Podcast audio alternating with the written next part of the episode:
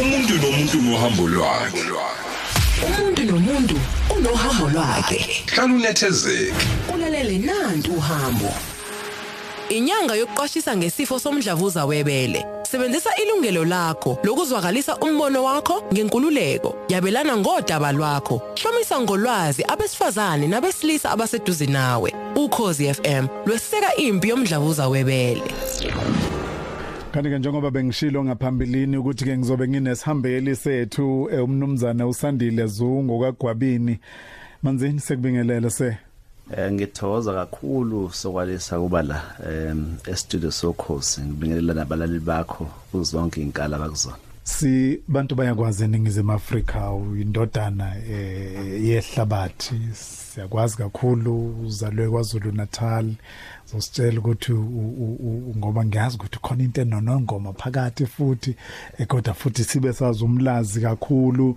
Eh khuluma nalensizwa ayusoma business ngibhalile lapha na ku Twitter na ku Instagram ukuthi simazi njengesifundiswa simazi njengomholi simazi njengosoma business kodwa namhlanje sizokhuluma naye eh njengosandile Zungu umuntu. Yayoza umehluko manzini. Ngizwa kahle sokwalisa. ukuthi ngale kwezinto ozenzile wena uyikhethela ukuzenza ngoba lokho kuba isifundiswa uwo wayikhethela ngesikoleni uyofunda. Ngapha masingangithale sesiqala lapho ufunde khona ikole nje ufunde kuzona primary school high school ukudlula nje kulezi ndawo. Angicacise nje le ndaba yakanongoma. qala. Qala. sidlulisa Sicacise nje icaca. right. Eh inkaba kababa no baba mkhulu bami yawela kwahlabisa. oh okay. Kodwa ke singasho nje ukuthi imvelaphi yethu siwozungu ikhona le eh lekuthiwa isemahenyeni. oh yeah Yeah so ke so ke ngiye ngabona inkosi ya uhl- uhlabisa lo sewumholi manje ewenkatha Freedom Party ngajabula kakhulu ukuthi em obaba mkhulu babo bathi bebona ukuthi uzungu uyantu untwanguza nje ucoshiwe ngale ngoba ubaba mkhulu wethu ngoba makhosi em iyayilwa eh futhi ihlobela kakhulu nesilo ucetshwayo so uthe may ucetshwayo eh, ulundi loluba mahlikihliki amangise el- elibhidlisa yasiyathuthi wakha ngapha wahlabisa yamukeleka ezandla ezimhlophe. So ke ubaba ongizalayo uthe mayesehambe siyangapha eThekwini impeleni kwahamba u- ubaba wakhe. Yeah. Eh nomama wakhe uMandlela beyokwakha ngapha eThekwini. Esoke thina siyinza lokwathayela ngazala lemlasi Okay. Kodwa natshelo lom- lomlando namanxiwa kini ukuthi aye kuphi. A- hayi nokuthi hayi kuphi akuphi. Oh asakhona Eh, ngoba ngoba sekhona Yeah. Eh, umuzi nje wasekhaya emantwengu. Kuba khona omunye umuzi wasekhaya kuthiwa kwazi nje ziyamnikanika. Khona lapho kahlabisa siyafika nje khona. Eh mahlayeni mahlayeni sibe khona lapha. Omunye umuntu uyamangala uthi hawu sandile sahlala iminyaka emingaka eh nasegoli. Abantu abaningi abazi ukuthi enye into esesi siqhanye ngayo kakhulu. Eh, ukuthi noma usuhlala iminyaka eminingi kangaka egoli cishe isi- isi- isibheke emashumeni amathathu. Eh ngafika la ngo1992 Yeah. eGoli ngitshe ukuthi ngizosebenza nje unyaka owodwa iminyaka emibili. Ngithole i- ihole xaxa mase ngibele ekhaya kwaEthekwini angikaze ngibheke emuva.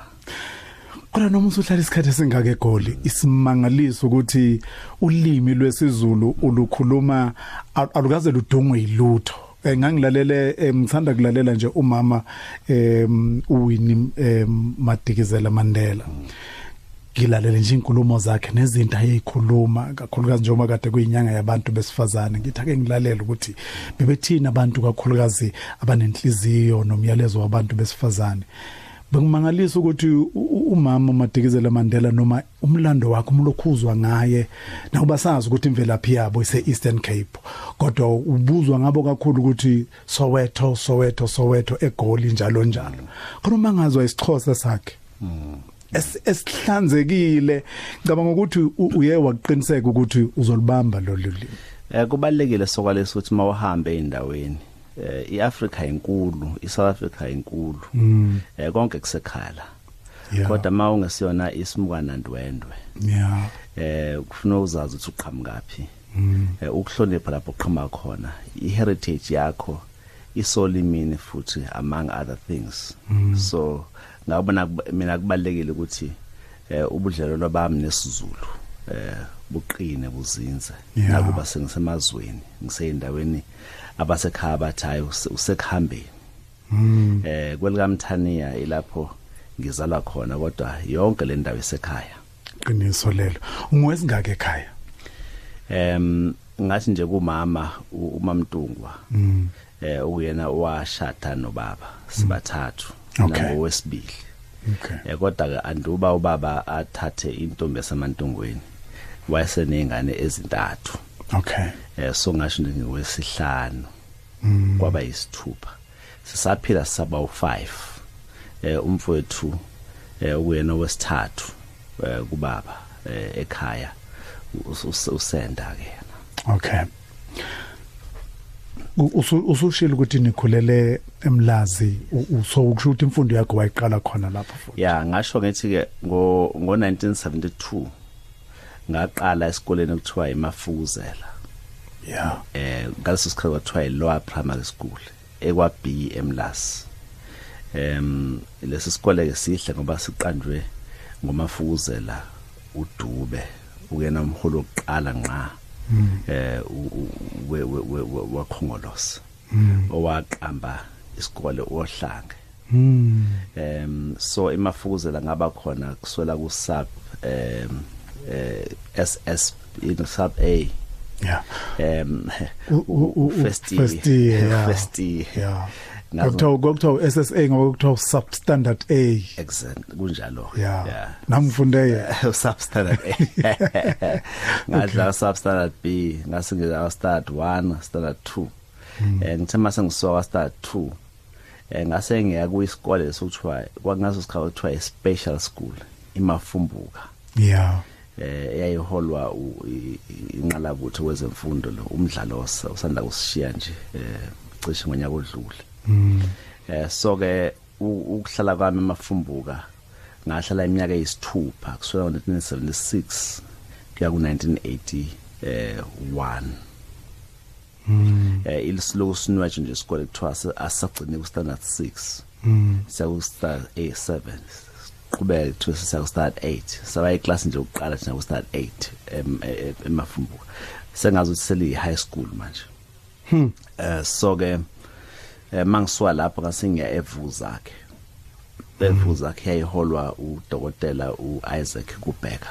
Kuthiwa insimbi kayiguphi ngoba eJalimani yes. omunye wabantu engizwile ngaye noma ngingamazi mina kodwa ngimazi ngemsebenzi yakhe. Imisebenzi yakhe iyabonakala. Baningi odokotela abakhiqiza baningi onjiniyela abakhiqiza maningi ama playwrights em awakhiqiza baningi abaculi othisha eh o mechanic njalo njalo.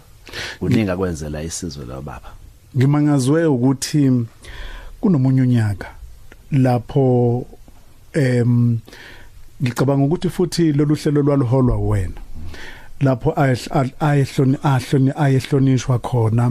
Ngiyakhumbula nje ngiqala ukufunda kabanzi ngaye elinye lamaphephandaba esilungu em ase asethekwini.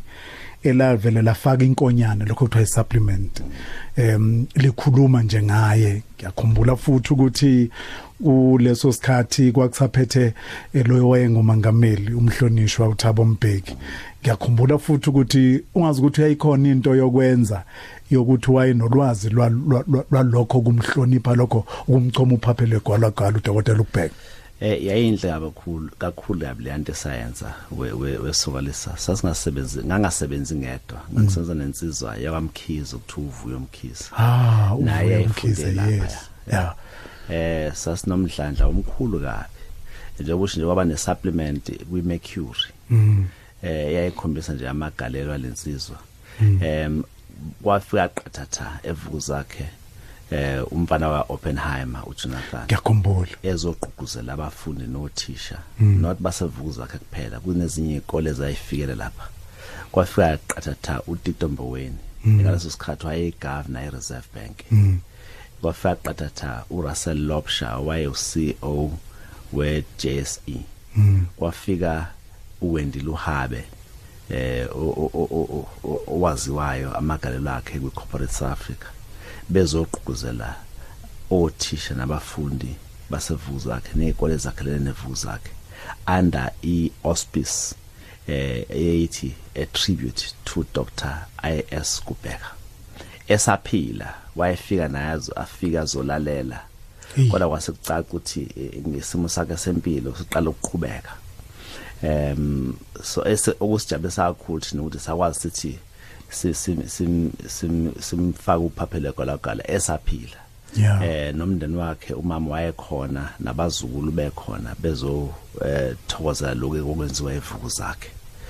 Em so sasa thatha ingane zakhona evuku zakhe sazisa eParliament uthi ziyolalela inkulumo kamongameli eh, u- u- uzizi umbeki. Em ekhona na uDr uIS Kubeka nothisha omkhulu ngaleso sikhathi ubaba ungwenya. Eh nezingane ezayikhethekile nothisha abakhethekile. Eh bana se Robben Island bana se JSE bezobona ukuthi ama e-trading yama shares ihamba kanjani. Baya emayini Cullinan ebeyobona ukuthi idiamond limbiwa kanjani. Eh kuningi esikwenzele isikole onyakeni nje owodwa ukukhombisa ukuthi siyabonga. Eh ngalokho ivuza yakhe ekwenzele umphakathi ekwenzele thina eh siyabafundi ba- bamnyaka emdala.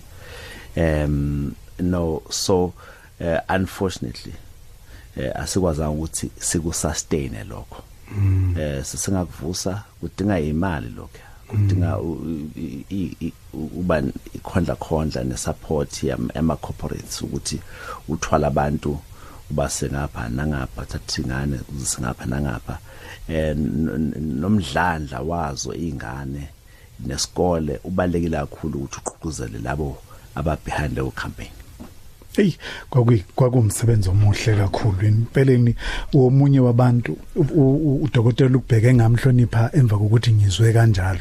Sanda ngisanda ukukhuluma no nenye insizwe yangakithi lapha yana eumngani wami umuzi Ntombela. Ngithi akokangilethele ngoba ngiyazi ukuthi umalume wakhe eh, uprofessor Gabela oke wafundisa esikhathi eside lapha ongoye. Em ngoba kubalulekile ukuthi sikhulume nalabo bantu sil- sil- sil- siluzwe uhambo lwabo eh besaphila. Eh kodwa futhi singabakhohlwa nabangasekho emhlabeni. Cabanga ukuthi isigaba sethu esilandelayo kuhambo ku- kuyoba yikho lokhu es- esikwenza namhlanje. Nakuba namhlanje singakwenzi nje eh, ngokobubanzi kwalomuntu esizokhuluma ngaye kodwa sizokhuluma ng- ngengxenyana ethile yokuphila kwakhe. Kodwa isifiso sami esikhulu ukuthi ngelinye ilanga nalaba ase- asebadlula uma ekhona umuntu onomlando wabo ekusukela ekuqaleni sizokhuluma ngabo. Ngabala abantu abafana no professor eh Charles Dlamini? Ngiyamkhumbula manje seku se- se- sesiyakwazi sekujwayelekile nje ukuthi kuthiwe nangu professor omncane. Ngiyakhumbula nje siqala ukuzwa eh kuthiwa uprofessor uCharles Dlamini ngithi ngangifunda iphepha ngalesikhathi ngisawumfanyana kuthiwa uprofessor at the age of 40 Wow. abantu abaningi asebadlula emhlabeni esikudingayo ukuthi sikhulume ngabo. so ngicabanga ukuthi lento nayiqala kwabini singaqhubeka nayo. Eh, ikufuna kufuneka iqhutshwe eh, shenge ngoba yabo nje ku- ku- ku- kubalekile ngalempela sonto. Manga manga manga ma- manga manga eh, khohliwe kahle hle. Eh bekuyizolo. Mm. Em bekuthiwa international day kathisha. Yeah. Em yokuthi nje kuhlonishwe uthisha eh umhlaba wonke. Em lento ishoyo ukuthi ungihambise indlela engayihamba eh, ezandleni zothisha. Ibaleke kakhulu. Nje pay tribute to those teachers because ngaphandle kothisha isikhathi esiningi ngaba si aselutho ngoba sasikhuliswa o a ebhinci eh abazali bethu bekwazi ukuthi basikhombisa indlela kodwa bengeke besisize kakhulu eh kwezemfundo. So ukuhlanipha kwethu nokwazi ukuthi sibone izinto em ku ku- singakubeka ngembaba sithi ngenxa yothisha ababe ababe sacrifice ikhathi zabo engabe babhekene nendaba zem- zemndeni yabo ukuthi bazofundisa thina. So um ngiyabasa ngiyabasalutha othisha kule weekend nakuba sekuyi a day later but ke it's Yeah. very important yeah. noma nzini ngoba ngifuna ukuthi mangabe sibuya singene kulolu daba esi- esikulona esikhuluma ngalo namhlanje kodwa ngi- ngi- ngiyabahalelela abalaleli ngoba nakho seze sabaqala ukuthi sale sesiyiphothula lena yo- yokufunda kwakho mhlambe nanokuthi bakwazi ukuthi ukuphi lapho khona manje u- usigijima nje waphuma evu- evuku zakhe usuphasile ku matric wakho oh yes. Kutheke ngo 1983 mangenza umatric em ngangomunye walabafundi ekuthiwa bavelele um you know kwi mathematics kwi physics um i was one of the top students evuzak so kwafika kabakashele bathi bafuna abafundi abavelela abasebabaneze umfundaze bayokwenza i-engineering. Em nabafuna ukuyenza e-commerce so uthisha omkhulu u- u- uv- u- ukubheka eh wathi nanti igama lazungu yalifaka la. Eh wafaka namanye amagama Sa- ngicabanga ukuthi saseba u- sase u5 esasewenza ama interview eh bangikhetha kabakashele eh from evukuza ukuthi hayi bamthanda lokuthi bamqeqeshe bamneza umfundazi ngase ngiya eHilton College. Ngonyaka ozayo ngowenza ini ipost matric 1984 eh ukungi- ukungilungisa nje ukuthi mhla sengiya eUniversity of Cape Town eh ngibe sengikulungele. Uzokhumbula ukuthi ngaso sikhathi kwakunobandlululo. Eh ikole or ama universities afana nabo University of Cape Town University of Witwatersrand eh Rhodes eh kwangavunyelekile khona ukuthi kube khona abantu abamnyama. Angiyiphathi ke Stellenbosch ngoba ungena ama- ama- amabhunu eh, namakhalade kuphela ngoba azo is- i- i- isibhunu. Eh so em kwakubalekile ukuthi bangiqeqeshe eHilton as a bridging year ukuthi mangiya lapha ngingabi ne shock kwisystem yami. Ngiqhamuka kwelokishini ngitho lapha seng- sengindaweni ngisendaweni enogesi nasemaphasejini yeah eh nenkululeko nje ukuthi ngenza noma yini engithanda ngasikhathi sini. Ngine pocket money emase ngiya hlwela nje ngathi bengizofunani la esikoleni. So lo nyaka lo kuthiwa i-post matric wangisiza ukuthi ungiqeqeshe ukuthi ngikulungele kuya e-university. Eh kwasokuthi 1985 ngase ngiya e-Cape Town University e-UCT ngiyowenza i-engineering. Eh ngenza i-mechanical engineering 1985 to 1988 eh ngase ngiyaqala ukusebenza ngo89 ngasebenza Richards Bay Minerals. Ngo1995 ngase ngibuyela eDeskin ngiwenza iMBA full time khona eUCT uh, Graduate School of Business. Ngenza ngo1995 sengisebenza. Eh ngo2000 ngase ngibuyela eDeskin futhi ngakwenza iprogram for global leadership eHarvard eh, Business School eh, ese eBoston um eUSA so ngasho ngithi ukufunda kwami khamba kuye lapho. Eh kule minyaka e- e- edlule bengifisa ukuthi ngiwenza khona i-doctorate. Yeah.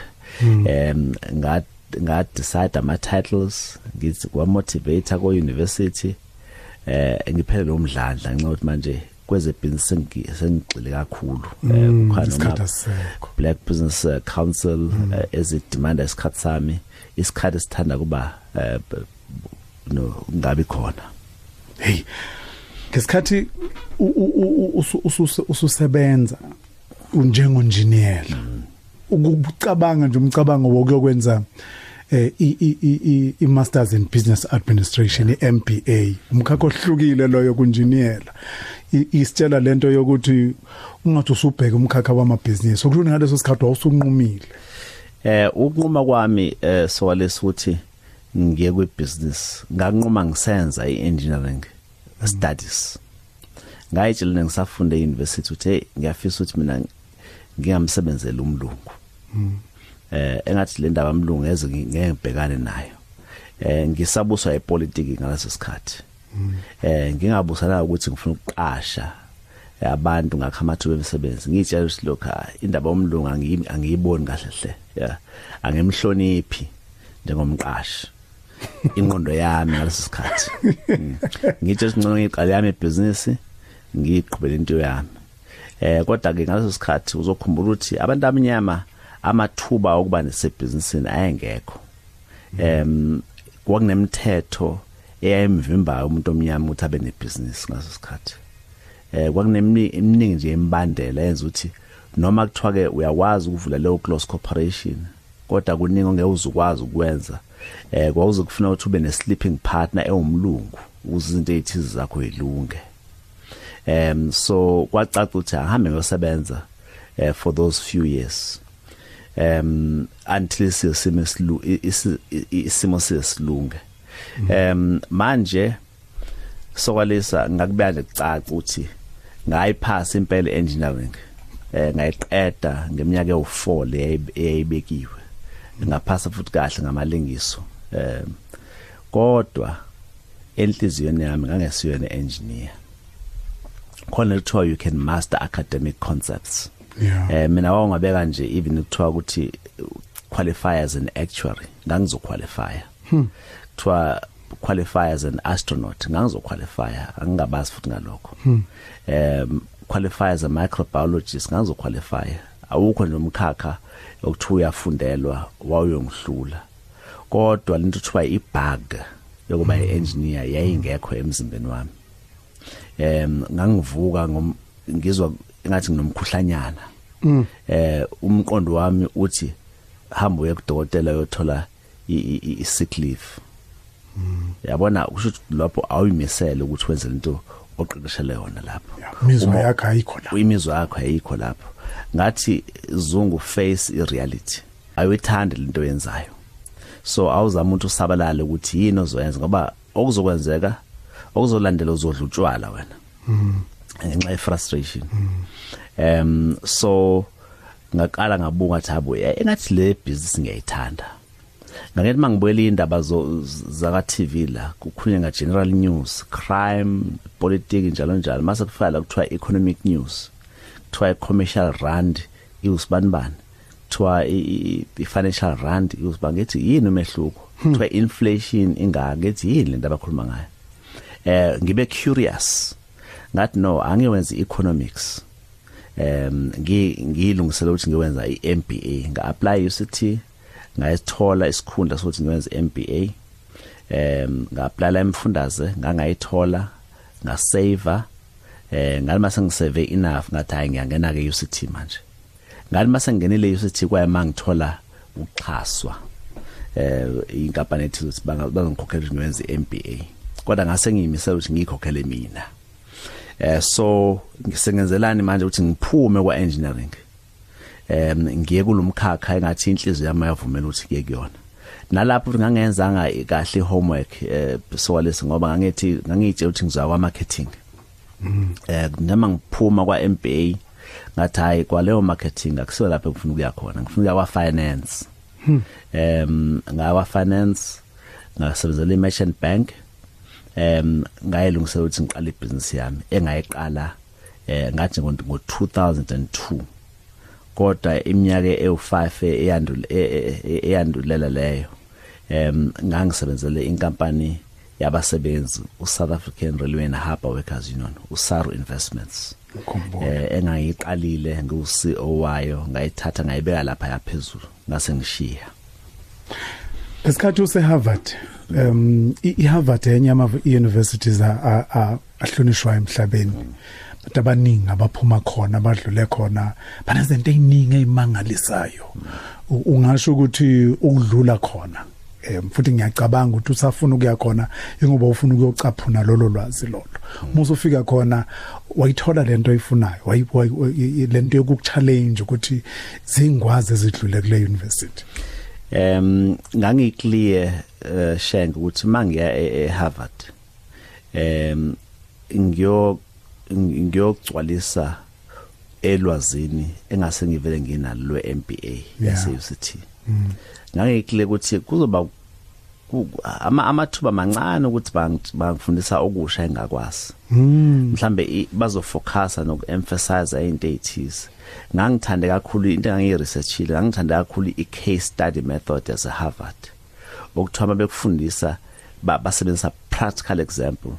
Ukuthi mhla uPalmolive wenza lokhu kwenzeka lokhu wenza kanjani abaqashi bayithatha kanjani icompany bayi-turn around eyayisibheke phansi. Nanka ama-figures income statement nanka ama-figures e-balance sheet ayayibheda ukufuna bayiphendule. Buka manje le company enzenjani nibuyekeza ukuthi nansi nazi inyathelo zathatha abaphathi bakaleso sikhathi ukushintsha isimo saleyo kampani. So ngezinye indlela an theorize nje ni ni base imfundo yenu em kuyibonelo zento ezenzekile kwebusiness ngayithanda leyo nto. Ngayithi ngiyocubelela ulwazi ke ukufaka kuloko vele sengikwazi. Okwesibili ngangiya ngangichuze mina ukuthi ngiye eHarvard. Ngenxa yokuthi ngangazi mawula eSouth Africa em awunabo ubudlelwano obungakuchushisa ukuthi ube isikhondla khondla umhlaba wonke jikelele. Eh lobo budlelwano baleka kakhulu.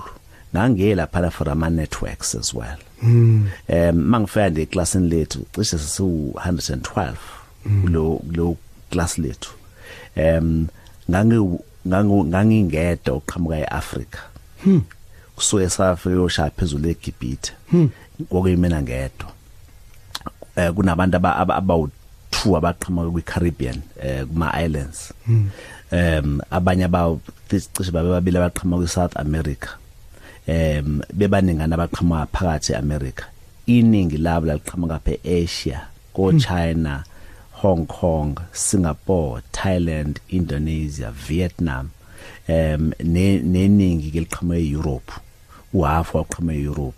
Kuwonke ama country Denmark or Iceland eh you know oNgilandi or Scotland njalo njalo. So ngithama ngiphuma lapha ngathi hayi sengilizuzile ulwazi kodwa futhi senginama networks lama networks namanje engisawa bambile eh mangihamba nje ngiya ezweni eh all i do is just pick up a phone ngithi hey uh Stefan uh, I'm in in in in Holland next month. Mm. uh, can we do lunch? Hmm. uh or with pleasure. Ngizobe ngikhona sihlela izinto. Masikhuluma lapha sikhuluma ukuthi unjani umama nabantwana kuphela. Kubalekile lokho. Kodwa sakhuluma ukuthi eh ikhampani yami nalezi inkinga inkampani yami nalama opportunities engifuna ukwakwat ukuhlala phezulu kwawo ningangisiza kanjani? Nabo nginjalo bezela eSouth Africa eh ngumuntu oqala bamthinta ukuthi izungu eh ake sibabi lunch indoda or awungixhumanisa nosibani bani yeah ngithi hayi ngingazama. Makwenzeka kuyenzeka mangenzeka kwenzeki. Yeah kodwa ngizamile. So lawo ma networks abaleke kakhulu ukuthi mawukhetha indawo oyofunda kuyona eh uwa consideration eh ungafundi labantu eniqhamuka nabo esigodini kuphela. Em ngoba awukhuli em ngokwengqondo ngokuthi uze uthi kwezinye indawo induku bayigawula kanjani. Sikhuluma nomnumzana uSandile Zungu sikhuluma naye namhlanje. Uyi-executive chairman yenkampani ebizwa ngokuthi izungu investment company eh, kafushane bayibiza ngokuthi izikho.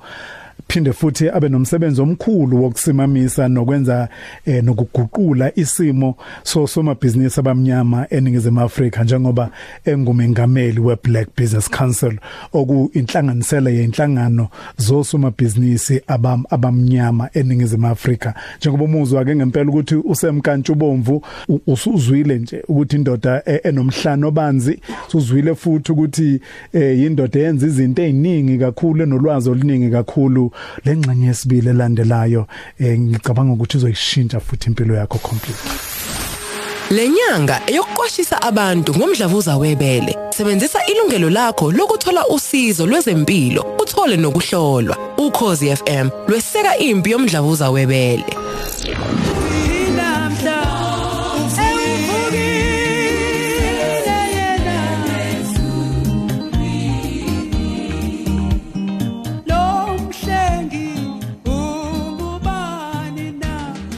Glory of the last days umhlenge wami kanti usigwili uthe eh, unguJehova. Mulalele ukuthi abanye bathi wena ungumhlengi wami athi usigwili kanti wena ungubani?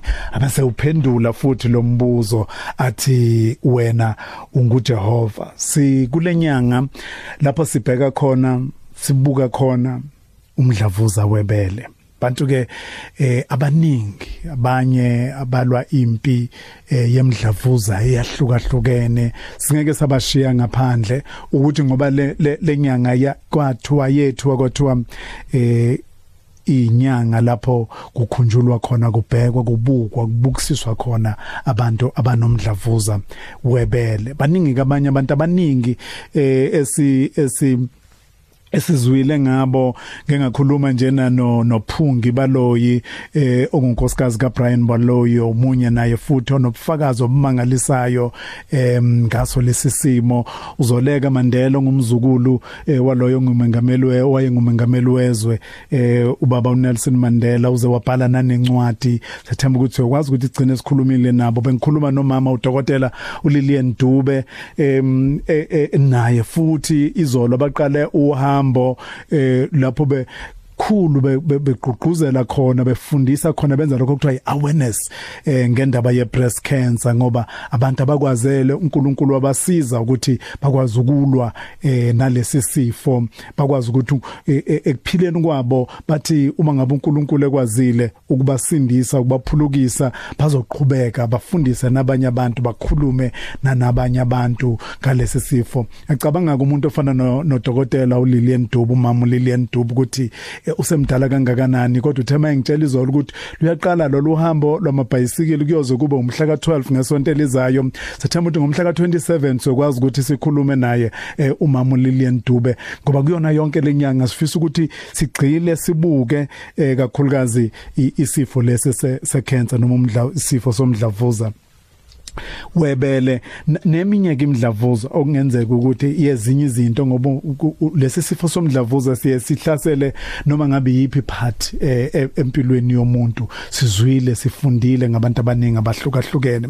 Mnumzana usandile zungu njengoba usuzwile sikhuluma naye nje namhlanje. Kuyiyona esimmemele kukho ukuthi sizokhuluma naye ngoba unkosikazi wakhe udlule emhlabeni eminyakeni eh, embalwa edlule emva kokuthi eminyaka eyishumi elwisane nesifo somdlavuza webele uyena sizokhuluma ngaye namhlanje sifisa ukubheka nje impilo yakhe em sibuko nanokuthi leminyaka eyishumi bekade kuyiminyaka ekade imphathe emphathe kanjani eh ezefika esikhathini sokudlula kwakhe emhlabeni eh, kuningi okuthena noma esedlule emhlabeni akwangama kodwa umnumzana usandile zungu njengomyeni wakhe nomndeni wakhe eh, njengoba bena be- be- benamadodana bakwazi ukuthi bathi ukuphila kwakhe akuyukuma ngosuku abekwe ngalo emathuneni kodwa kunezinto abazoqhubeka bezenze.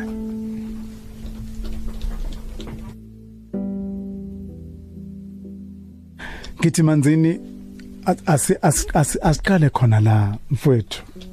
Usixoxele nje ukuhlangana kwakho umandwalane yebo eh uzodwa eh, inkosikazi yakho enhle inenhliziyo enhle. Umthatha apho mandolane em u- u- u- uncamza kancane sahlangana ngo1987 mhm em ngangivashela umngani wami eh, osashiya uthula sizwe mngomezulu ngimvashele lapha ongoye. Mhm eh then mase ngibona nansi intokazi eh ngizethule kuyena.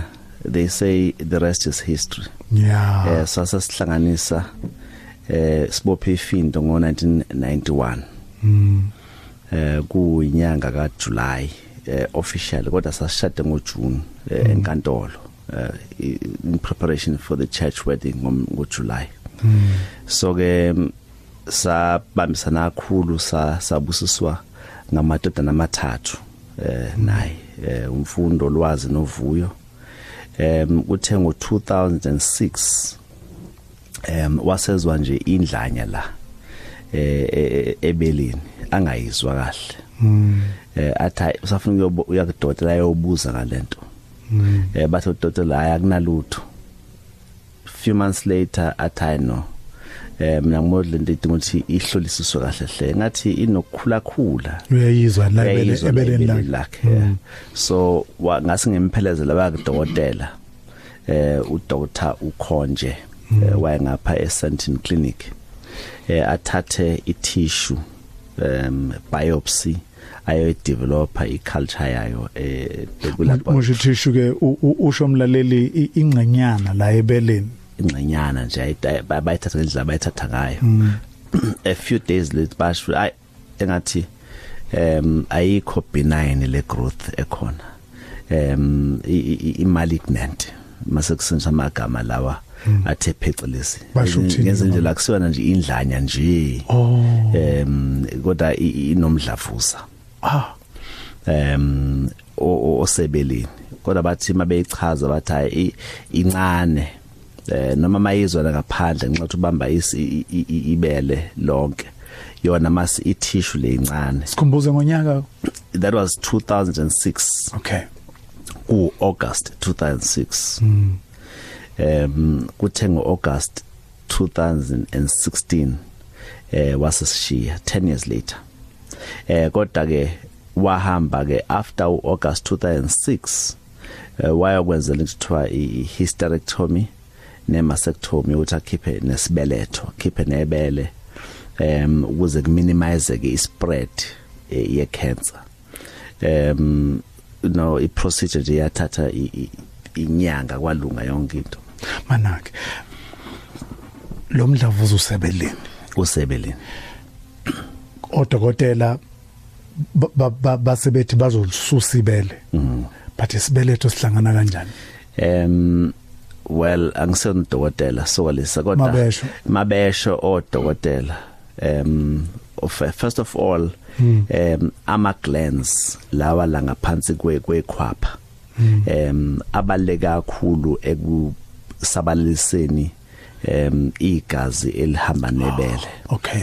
Eh so imvamisa uma une breast cancer bayabathi lawa ma glands em kubalekile ukuthi akhishwa ngabe salisabalalisa eh i- i- igazi nam or ama cells lawa ane cancer ngicela ukuthi ngime lapho nginceda ngifuna ukuthi ngi- ngi- ngisabalalise imfundiso Okay. zangisona dokotela ngiyakuzwa. Eh kodwa ke isibeletho nakho kunokuhambisana okuthize eh ma umuntu osifazana ukuthi eh maku ne breast cancer em kunoku bano no no nokuhlobana okuthize. Kodwa ingqondo yami isisheshe yakuhlangabeza. Sisheshe yakuhlangabeza ngesikhathi ukhuluma ngokuhanjiswa kwegazi. Ukuthi kusho ukuthi uma ngabe ukuspreada kwayo noma uma ezosabalala mhlawumbe kwezinye ingxenye ingenxa yokuthi imigudu yokuhamba kwegazi izodlula mhlawumbe kulezi ezinye izinto. Mhlawumbe odokotela bese bethi asikhiphe lokhu ukuze ongenani noma kudlula mhlawumbe ngendlela basuke bebone ngayo kungabe ukuthi isabalala kalula. In- ingasabalali kalula. Eh ngoba esikha- esikhathi esiningi uzo umuntu sekuthiwa em une cancer yebele kodwa ise metastasized to other organs. Isisabalele yakwamanye ama organs isitholakala em- emaphashini itholakala kwizinso. Kodwa yaqala eh, ebeleni. kodwa yaqala ebeleni. Bathi kodwa uphethwe i-breast cancer emetastasizile. Ngokuthi isisabalalele yakuma organs amanye eh so ingakho lokuthi ke ba- basheshe bayi bayi- bayi- bayi- bayivimbe ngokuthi basuse imigudu le eh esabalalisayo. Em but babe treata kwi source eh bebe sebebhekelele ukuthi ayisasabalele na. Ngoba uma isisabalele bazobe sebeyitreata bese sabalele khona. Kodwa bebe bazi ukuthi yasuka yasuka kephi ngenxa ukuthi ke eh, i character yayo em ine signature yalapha eqhamuka khona. Fika lesesikhathi ukuqala kufike ifika lento ngoba akekho suke yilindele dokotela sebekutshela ukuthi manje ey si- sithola ukuthi unomdlavuza ende bese besichazalisa isimo sakhona. Sekufika lapho dokotela khona bathi kuzokhishwa ibele uzokhishwa nesibeletho ayemukele kanjani lento um ngikhumula nje amazwi eh a- asho yena unkosikazi ngaso sikhathi. Um inhliziyo zethu zibheke phansi ya. Imayethi iphuke ngendlela eyisimangaliso um athi you know what uh, sandile uh, i will fight this thing. Yeah um ngizoyilwa not for myself not for my children not but for my grandchildren. Yeah ethi ngizo ngizohlala ngize ngibabona abazukulu bami ngizoyilwa lento em kwangineza isibindi esiyisimangaliso. Kuzwesho eh njalo umuzo sho njalo ngathi aw uma umuntu okuyena impela o- o- o- o- onalesi sifo ethi uzolwa eh i- a- s- i- ayikho into engayenza mina ukuthi ngimame nami ikhali zami ngimlwisa yeah. Eh, so lempi sayilwa eh, ngasho nje sayilwa sobabili. Eh, kusuka ngo2006 eh kuze kufike lo2016 eh kuningi okwakufuna kube nama ama adjustments eh so lesa ngifuna ukuqaba manga yeah. maningi ama adjustments ama adjustments enzeka eziningi inguquko engayibona empilweni yakhe empilweni yethu njengomndeni. Eh zi- zi- zibonakala. Em angibe nje isibonelo esisodwa. Em unkosikazi wayeumuntu owayevuka kuseni. Em ayihambisela ingane zakhe esikoleni. Eh sipheleze sihambe sobabili em ma makuthiwa zin- zinama sports eh ziyadlala. Uyena egroundini at the, one of the cheerleaders komama. Eh makuthiwa kune soccer tournament siyodlala ingane ziyodlala eFryhead eh sijoina umama sijoina ubaba s- yithi laba ngemoto siyo siyobona ingane zethu zidlala eFryhead yeah em kuthe mase qala e- ebana lesifo eh amandla okwenza lokho ngabonishana phansi yeah nokuba involved even kuma domestic issues ukupheka ukuyiklinela yena eh ngwabona amandla eshona phansi ukuqeqesha labantu abasebenzelayo. Um she did less and less of that. Ubone nje yam frustrate lento ngenxa yokuthi umuntu obe- obezibambelana ng- ngesandla sakhe. Um kodwa okumqinisa idolo kakhulu ukuthi ayibone support structure i strong um i support structure eh, ne support ayithola kumyeni wakhe okuyimina i support ayithola engane zakwabo. O- ozakwabo laba odadewabo abafowabo. Yeah. em nakubangani eh icore yabangani bakhe babazi udila le situation bela bemsupporta em so okwenza ukuthi anga give up even after 2 years. Eh ngikhumbula siyobona udokotela ngelila ngathi udokotela hey kufuna s- s- saza ama hospice aseduzane la.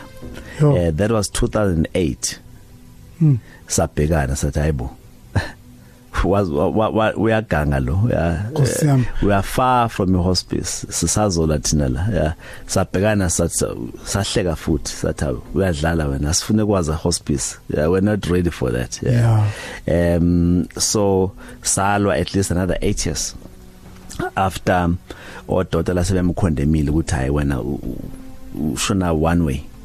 Um isupport eyayithola iyona emneza istrength. Naye nje ke ukuthi waye umuntu wayefighter eh, engayineza ichance lento eh ne attitude yakhe nje in general eh shenge yayisimangaliso mina ngimazi umuntu wayenesibindi ngale ndlela. Yeah.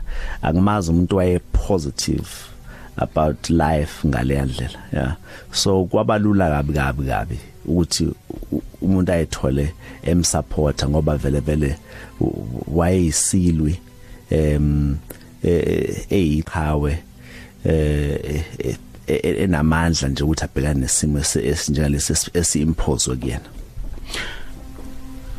Is- isikhathi ngiyamcabanga nje ngo 2008 odokotela bethi kuzomela niqale nibe nifuna ama hospice ngoba kusho ukuthi basebemdelile eh bona ngokwabo ngaleso sikhathi. Kodwa nina ukholwa kwenu nethembe naninalo nokuyibuka nje impilo njengoba uke washo ukuthi indlela ye positive ngakhona yayikwenza ukuthi nawe useduze kwakhe. Kuyamazi nami ngiyayazi indlela aye aye khuluma ngayo. Eh, u- u- u- u- ibingekho into mina ngimkhumbuli nalolodwa usuku ebalula ukuthi uyagula. Angikaze ngimuzwe. Noma mina ngangambona ukuthi hayi sizodwa isimo sakhe. Kodwa ubunge angikaze ngimuzwe sho njalo. Ngicabanga ukuthi enye yezinto esifundile kuyena ukuthi benga bengena umuntu obehlale olimini lwakhe eh, ekhuluma ngalento yokuthi uyagula. Insuku zakhe em zokugcina ngesikhathi sishintsha ke manje isimo sakhe. Em njengoba usho nje shenge kuyiqiniso lokho. Em umandwalane ubuthi mawufika uzuthi uthi uzom uzomqinisa isibindi em uzomqinisa idolo eh mhlawumbe ade phuma kwi chemotherapy em ufike kuwena ngathi uphuma engathi ubudinga ukududuzwa. Lo muntu ozombona u strong she is in good spirits eh uyikhuluma ezinye izinto nje uyayihlekisela em ukhuluma ngokunye nje. Eh, ukwenzeka ezweni ukhuluma ngokwenzeka emhlabeni akhuluma ngesimo sakhe. Em ube njalo nje right up to the end. Yeah. Em kangangoba eh we knew ukuthi insuku zakhe zokuphila emhlabeni seqala ukubalwa. Um kodwa when it ultimately happened uh, we were just not ready because uh, she had never uh, for a moment said umuntu ozohamba yena. Yeah. Um wayelwa nje eh umuntu noma esengena esibhedlela kule kule inyanga ezimbalo zokugcina. Um sithi uthi usazophuma futhi aqhubeke nempilo yakhe yeah eh kodwa on reflection mangibuka izimo akwasekucaca ukuthi no sesilwa nje impi kamabuyase la. Um ngo 2008 njengoba ngisho nje 2 years after e diagnosed with the cancer odota abamneza eh ukuthi akahamba ubona ama hospice nje ngenxa ukuthi wayese ku stage 4 yeah eh makuthiwa stage 4 bakhuluma bakhuluma ukuthi sisabalele kuma organs amaningi emzimbeni. Yayisitholakala kuma ku sternum emathanjeni itholakala emaphashini em itholakala nase nakwi nasengqondweni she had to do irradiation. Um yayisi multiple organs. So but still said no. Uh, so she lived another 8 years. Uma uma ukhona ekhaya ukhokhona okufundayo kulomuntu nanoma ngabe kuthiwa isimo sakho siyinike kodwa uyacabanga ukuthi umuntu ophethwe isifo somdlavuza futhi sesichazwe kanje kodwa kuthiwe kuze kwaba zinsuku zakhe zokugcina elokho ekholwa ukuthi impilo isazoqhubeka. Ukusheshe uthole ukuthi unesifo somdlavuza kungasindisa impilo yakho. Siyakuqhuquzela ukuthi usukume uthathe iqhasu lokuqala uyohlolwa. Ukhozi FM lweseka impi yokulwa nomdlavuza webele. Sikhombisa kuphela imzuzu emva kweleshumi nomuvo. Siso sikhuluma ke kulesi sigaba sethu sohambo eh sibheka impilo kasezodwa Zungu owadlula emhlabeni emva kokuthi eh, ebe nalesi sifo somdlavuza webele. Siyabuya ke silalela ama voice note akho bese ke siyaphothula nomanzini ongumyeni wakhe njengoba eh, esinikeza isikhathi sokuphila kwabo. Eh, siyabuya kwena umluninela uthi lamula.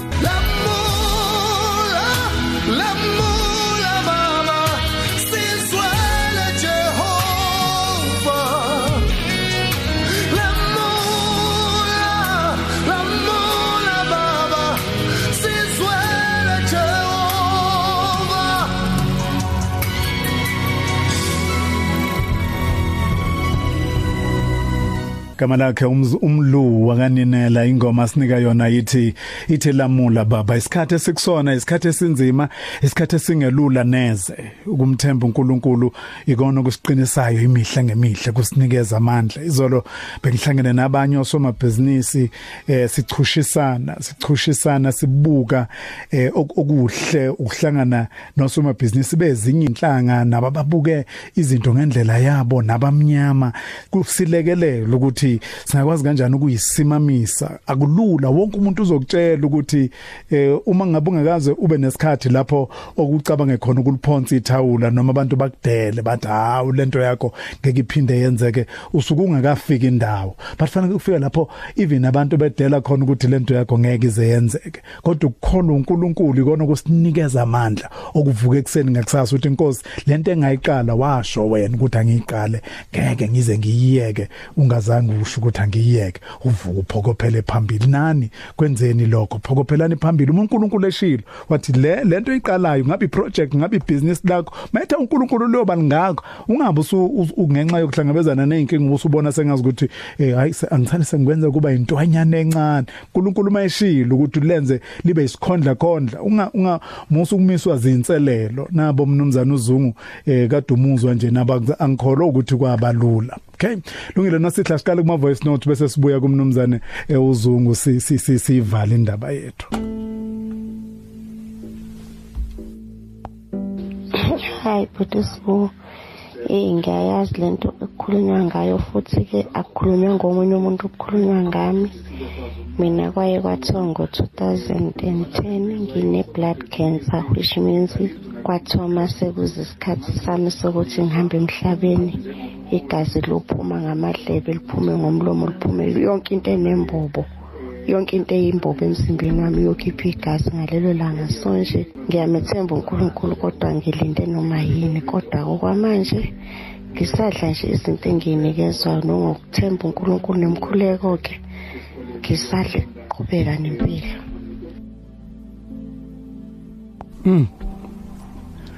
Angibingelele kuwe sibo nabalaleli bokhozi FM ngibonge leli thuba engiliphiwayo nami ukuba ngethule ubufakazi ngoNkulunkulu lo esimkhonzayo mina ngagula ngiphethwe isifo somdlavuza womgogodla ngoMay 2006 ngathwalwa ngasakhona ukuhamba sibona ngiya kwesinye seyibhedlela la eGoli. Engeke ngisidalule igama. Ngenxa yesimo engaphatheka ngaso ngahlukunyezwa ngashaywa ngathukwa sibuma ngifike esibhedlela. Kodwa kuNkulunkulu emhle namhlanje ngiyaphila. Kuningi ke bengathanda ukutshela abalaleli bokhozi FM okwenzeka ngawo lo nyaka kodwa namhlanje ngiphilile. Ngakhishwa mina esibhedlela sibo.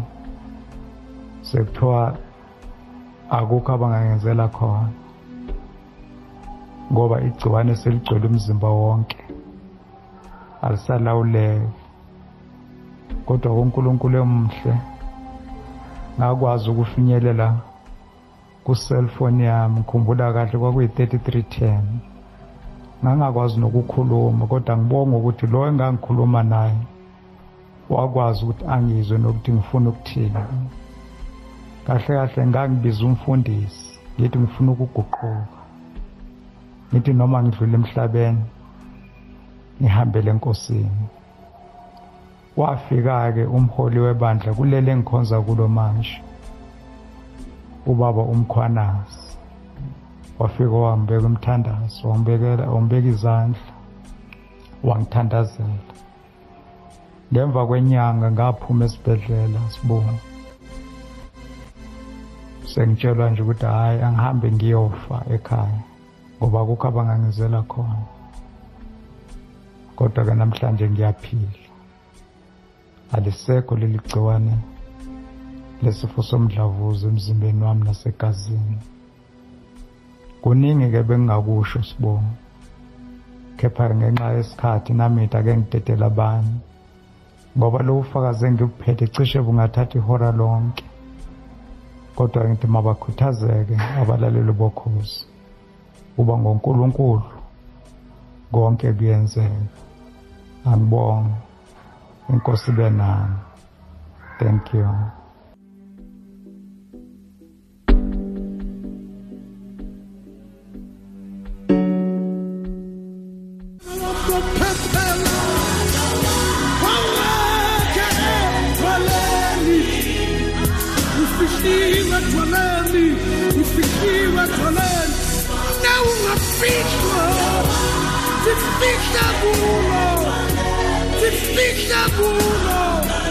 Idwala lunguJesu. Hlengiwe wakamhlaba.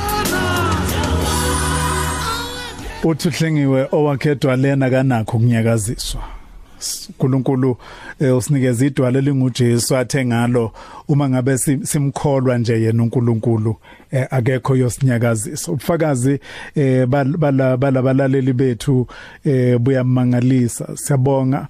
Kubona nokuthi nje basinikeze lobo bufakazi abasinikezile bona. Eh siyambonga kakhulu uNkulunkulu ngabo manzini lento yinselelo zempilo nje mfethu ngicabanga ukuthi kakhulu idinga ukuthi sisekelane kukho konke. Em nokunikeza omunye umuntu ithemba.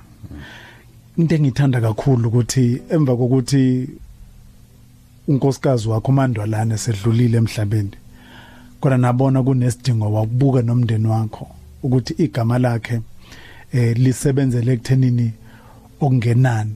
Kufundiswe nabanye abantu kukhuthazwe nabanye abantu ngesibindi aye naso em futhi nilekelele ngendlela eningakwazi ukulekelela ngayo.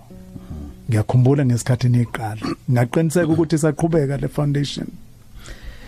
Um kuthe ngo 2017 um uphelele unyaka esishile umama. Sase siqala lento kuthiwa izodwa Zungu Foundation. Eh ukuthi isize emkhakheni wezemfundo, isize emkhakheni wezempilo kakhulukazi. Ekakhulukazi engxenyeni yokulwa nomdlavuza. Em nanokuthi ke eh isize ekuthi ekuthenini em inkumbulo yakhe umama ingapheli. Yeah eh ngemisebenzi yakhe emihle ayenza saphila ukuthi igama lakhe li li lihlale liphila na not only enhlizweni zethu nasemphakathini. Em nawo kutheke ngo ngo 2017 em senza i launch yayo i foundation sareza imali sasho ukuthi ngonyaka othize siyofuna ukusakhela into kuthiwa i-hospice. Em lapho eh abaswele beyokwazi bathola khona eh usizo. Nokunakekeleka. Omunye eminye imibuzo uzoda ayibuza yona wayethi em engabe labantu abangenayo medical aid abengena abangekho eduze kodokotela nezibhedlela la okuthola khona usizo bamisa kanjani? Yeah. Ngoba nje uma ugula eh awuzwani nomsindo. Hmm. Manje mawukhula endaweni nomsindo eh ugula uphethwe umdlavuza eh umisa kanjani? Awufuna ukuthintwa noma kanjani? Ngenxa ukuthi umuntu aka understand ukuthi ngaba umgogodla nje kuba besho nje eh, ohlukumezekile. Kodwa akusho ukuthi em esihlakalaleni em akubhlungu em akusho ukuthi ezihluzwini uma uthintwa em budedengu awuzukuzwela. So ke manje kwi hospice uyathola ama caregivers em nabahlengi kazi eh abazi ukuthi umuntu ophethwe umdlavuza unakelelwa kanjani. So ke waye nesifiso ukuthi sakhe isakhiwo esingathi nje hospice endaweni e- engathi isemakhaya. Em lapho kuyosiza khona abantu abanomdlavuza kakhulukazi omama abaswele ukuthi bathole usizo eduzane. Eh so sikulowo mkhankaso ke manje ukuthi mhlambe by the 10th anniversary yokushona kwakho mama by 2026 kuyisifiso sami ukuthi leso sakhiwo sibe sesimile eh sibe seqopheleni eliphezulu futhi hayi ukuthi nje kube yindlu engabiso umoya eh so sisalinde lokho em kunama campaigns izodwa Zungu Foundation ebhekelene nawo. Yabona nje ngomhla ka20 kuOctober kunanto kuthiwa iThemba Walkathon eh ebhekelene nokuqwashisa ngesifo somdlavuza webele kakhulukazi. Eh sine team esifakile lapho. Yabangani yomndeni em na- nesisebenza nabo. Eh sinabantu aba- aba- abevile kum- kumanje ku1 130 esobe sigidi sihamba nabo lapha. U5 km 8 km eh kuyothi kusuka lapho em imali esisi eh, esinazo kwi foundation em sibe sesiyi distributor em kwi kwi kuma programs adeservayo em si sinobudlelwane ne Charlotte Maxeke Hospital i i pediatric oncology unit. Eh si- siye savakashela esikoleni lesi eh, ayefunda khona uzodwa eMaran Hill. Siyobhekelela ukuthi iziphi idingo abanazo. Kukhona nokunye esibhekelene nakho manje eh okuyona umkhakha wemfundo umkhakha wehealth eh okuyothi ngomhla ka20 sebese sebethula labo ngokuthi nanka ama imali esobaxhasa ngaso. Em ukuthi babhekelele em idingo zalapho uzodwa fund zodwa zungu foundation abhekelele naso.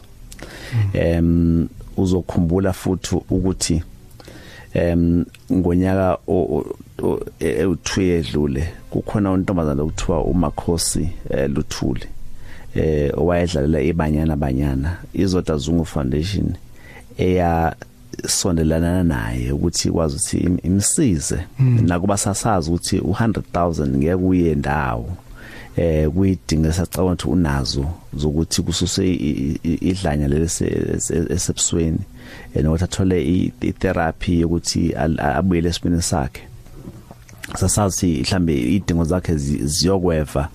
Esigidini samarand yeah kodwa saphosa lokho esingakuphosa esivivaneni. Kukhona esinye isimo esicishe sifana naleso esisibukele esisilandelayo kumanje ukuthi sithole ukuthi akubukho ubugebenga benzekalayo eh kuleso simo. Eh so noma uma sifake imali sathi izoya lapho edingala khona. So imisebenzi yezoda foundation iminingi kakhulu yeah em kodwa okuyikona esiphophele ukuthi sikwenze ukuthi sakhe le hospice. Em ezokwathi ibhekelene nezidingo zabantu abasweleyo em ayikakhulaza abasemakhaya ngapha kwaZulu.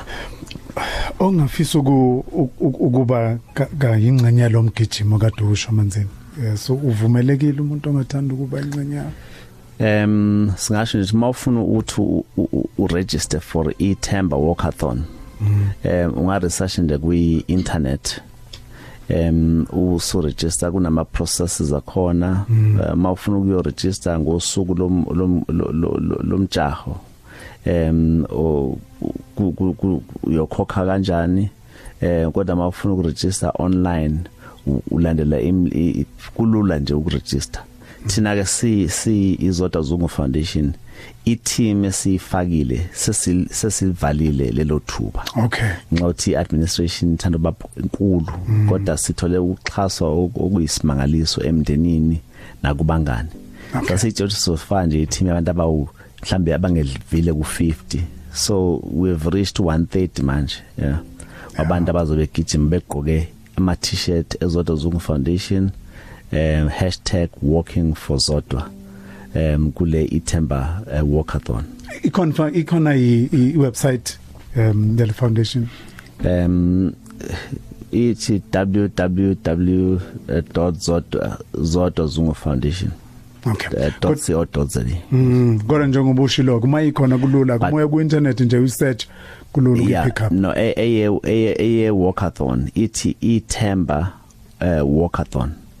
I T H E M B A walkathon W A L K A T H O N. Okay. Manzeni siyabonga kakhulu ngane yakwethu. Sibonga nje ukuthi mfowethu uvume ukuzohlala nathi. Awukwenzeli lokho em ubani? Benikwenzela umlalelo sekhaya ukuthi abe nesibindi bhekana nesimo anaso. Kodwa futhi nanjengezwe ukuze sikwazi ukubhekana nalesi simo baningi kakhulu abantu esizwile em othola ukuthi sebethola ukuthi banalo uhlobo lwalesi sifo. Abanye thola ukuthi abantu odokotela abakwazi ukusho abakwazi ukubona bathi impilo isiphelile. Bese kudinga kube khona abanye abazoba bazokubiza bazokumisa isibindi. So ke baningi abantu abamisa isibindi kusukela namhlanje manzini emva kokuthi bezwile uhambo luka sizodwa and sinifisela impumelelo kukona konke enifisa ukwenza ne foundation ekasizodwa nale hospice uNkulunkulu anikeza amandla nikeza abantu abazonisekela. Ngelinye ilanga eh libonakala lo phupho lakhe lifezeka eh sibonga kakhulu lethuba nesinezelwana eh sokwalisa nasokhozini nawo SABC wonkana em engathi labantu aba abahlaselwe umdlavuza ithemba lingama. Eh bangalahla ukholo labo. Em nokuthi basondelana ke nezakhiwo ezoba neza usizo. Em baqine ngempela ithemba isibindi sime. Ngibongile. Ngithina kakhulu manzini. Mnumzana uSandile Zungu kade ke sikhuluma naye. Eh namhlanje udaba oluthinta ngendlela emangalisayo. Sibonga kakhulu kuwena mlaleli ukulalela kwakho. Uhambo. Kwindumiso nosibungu thelezi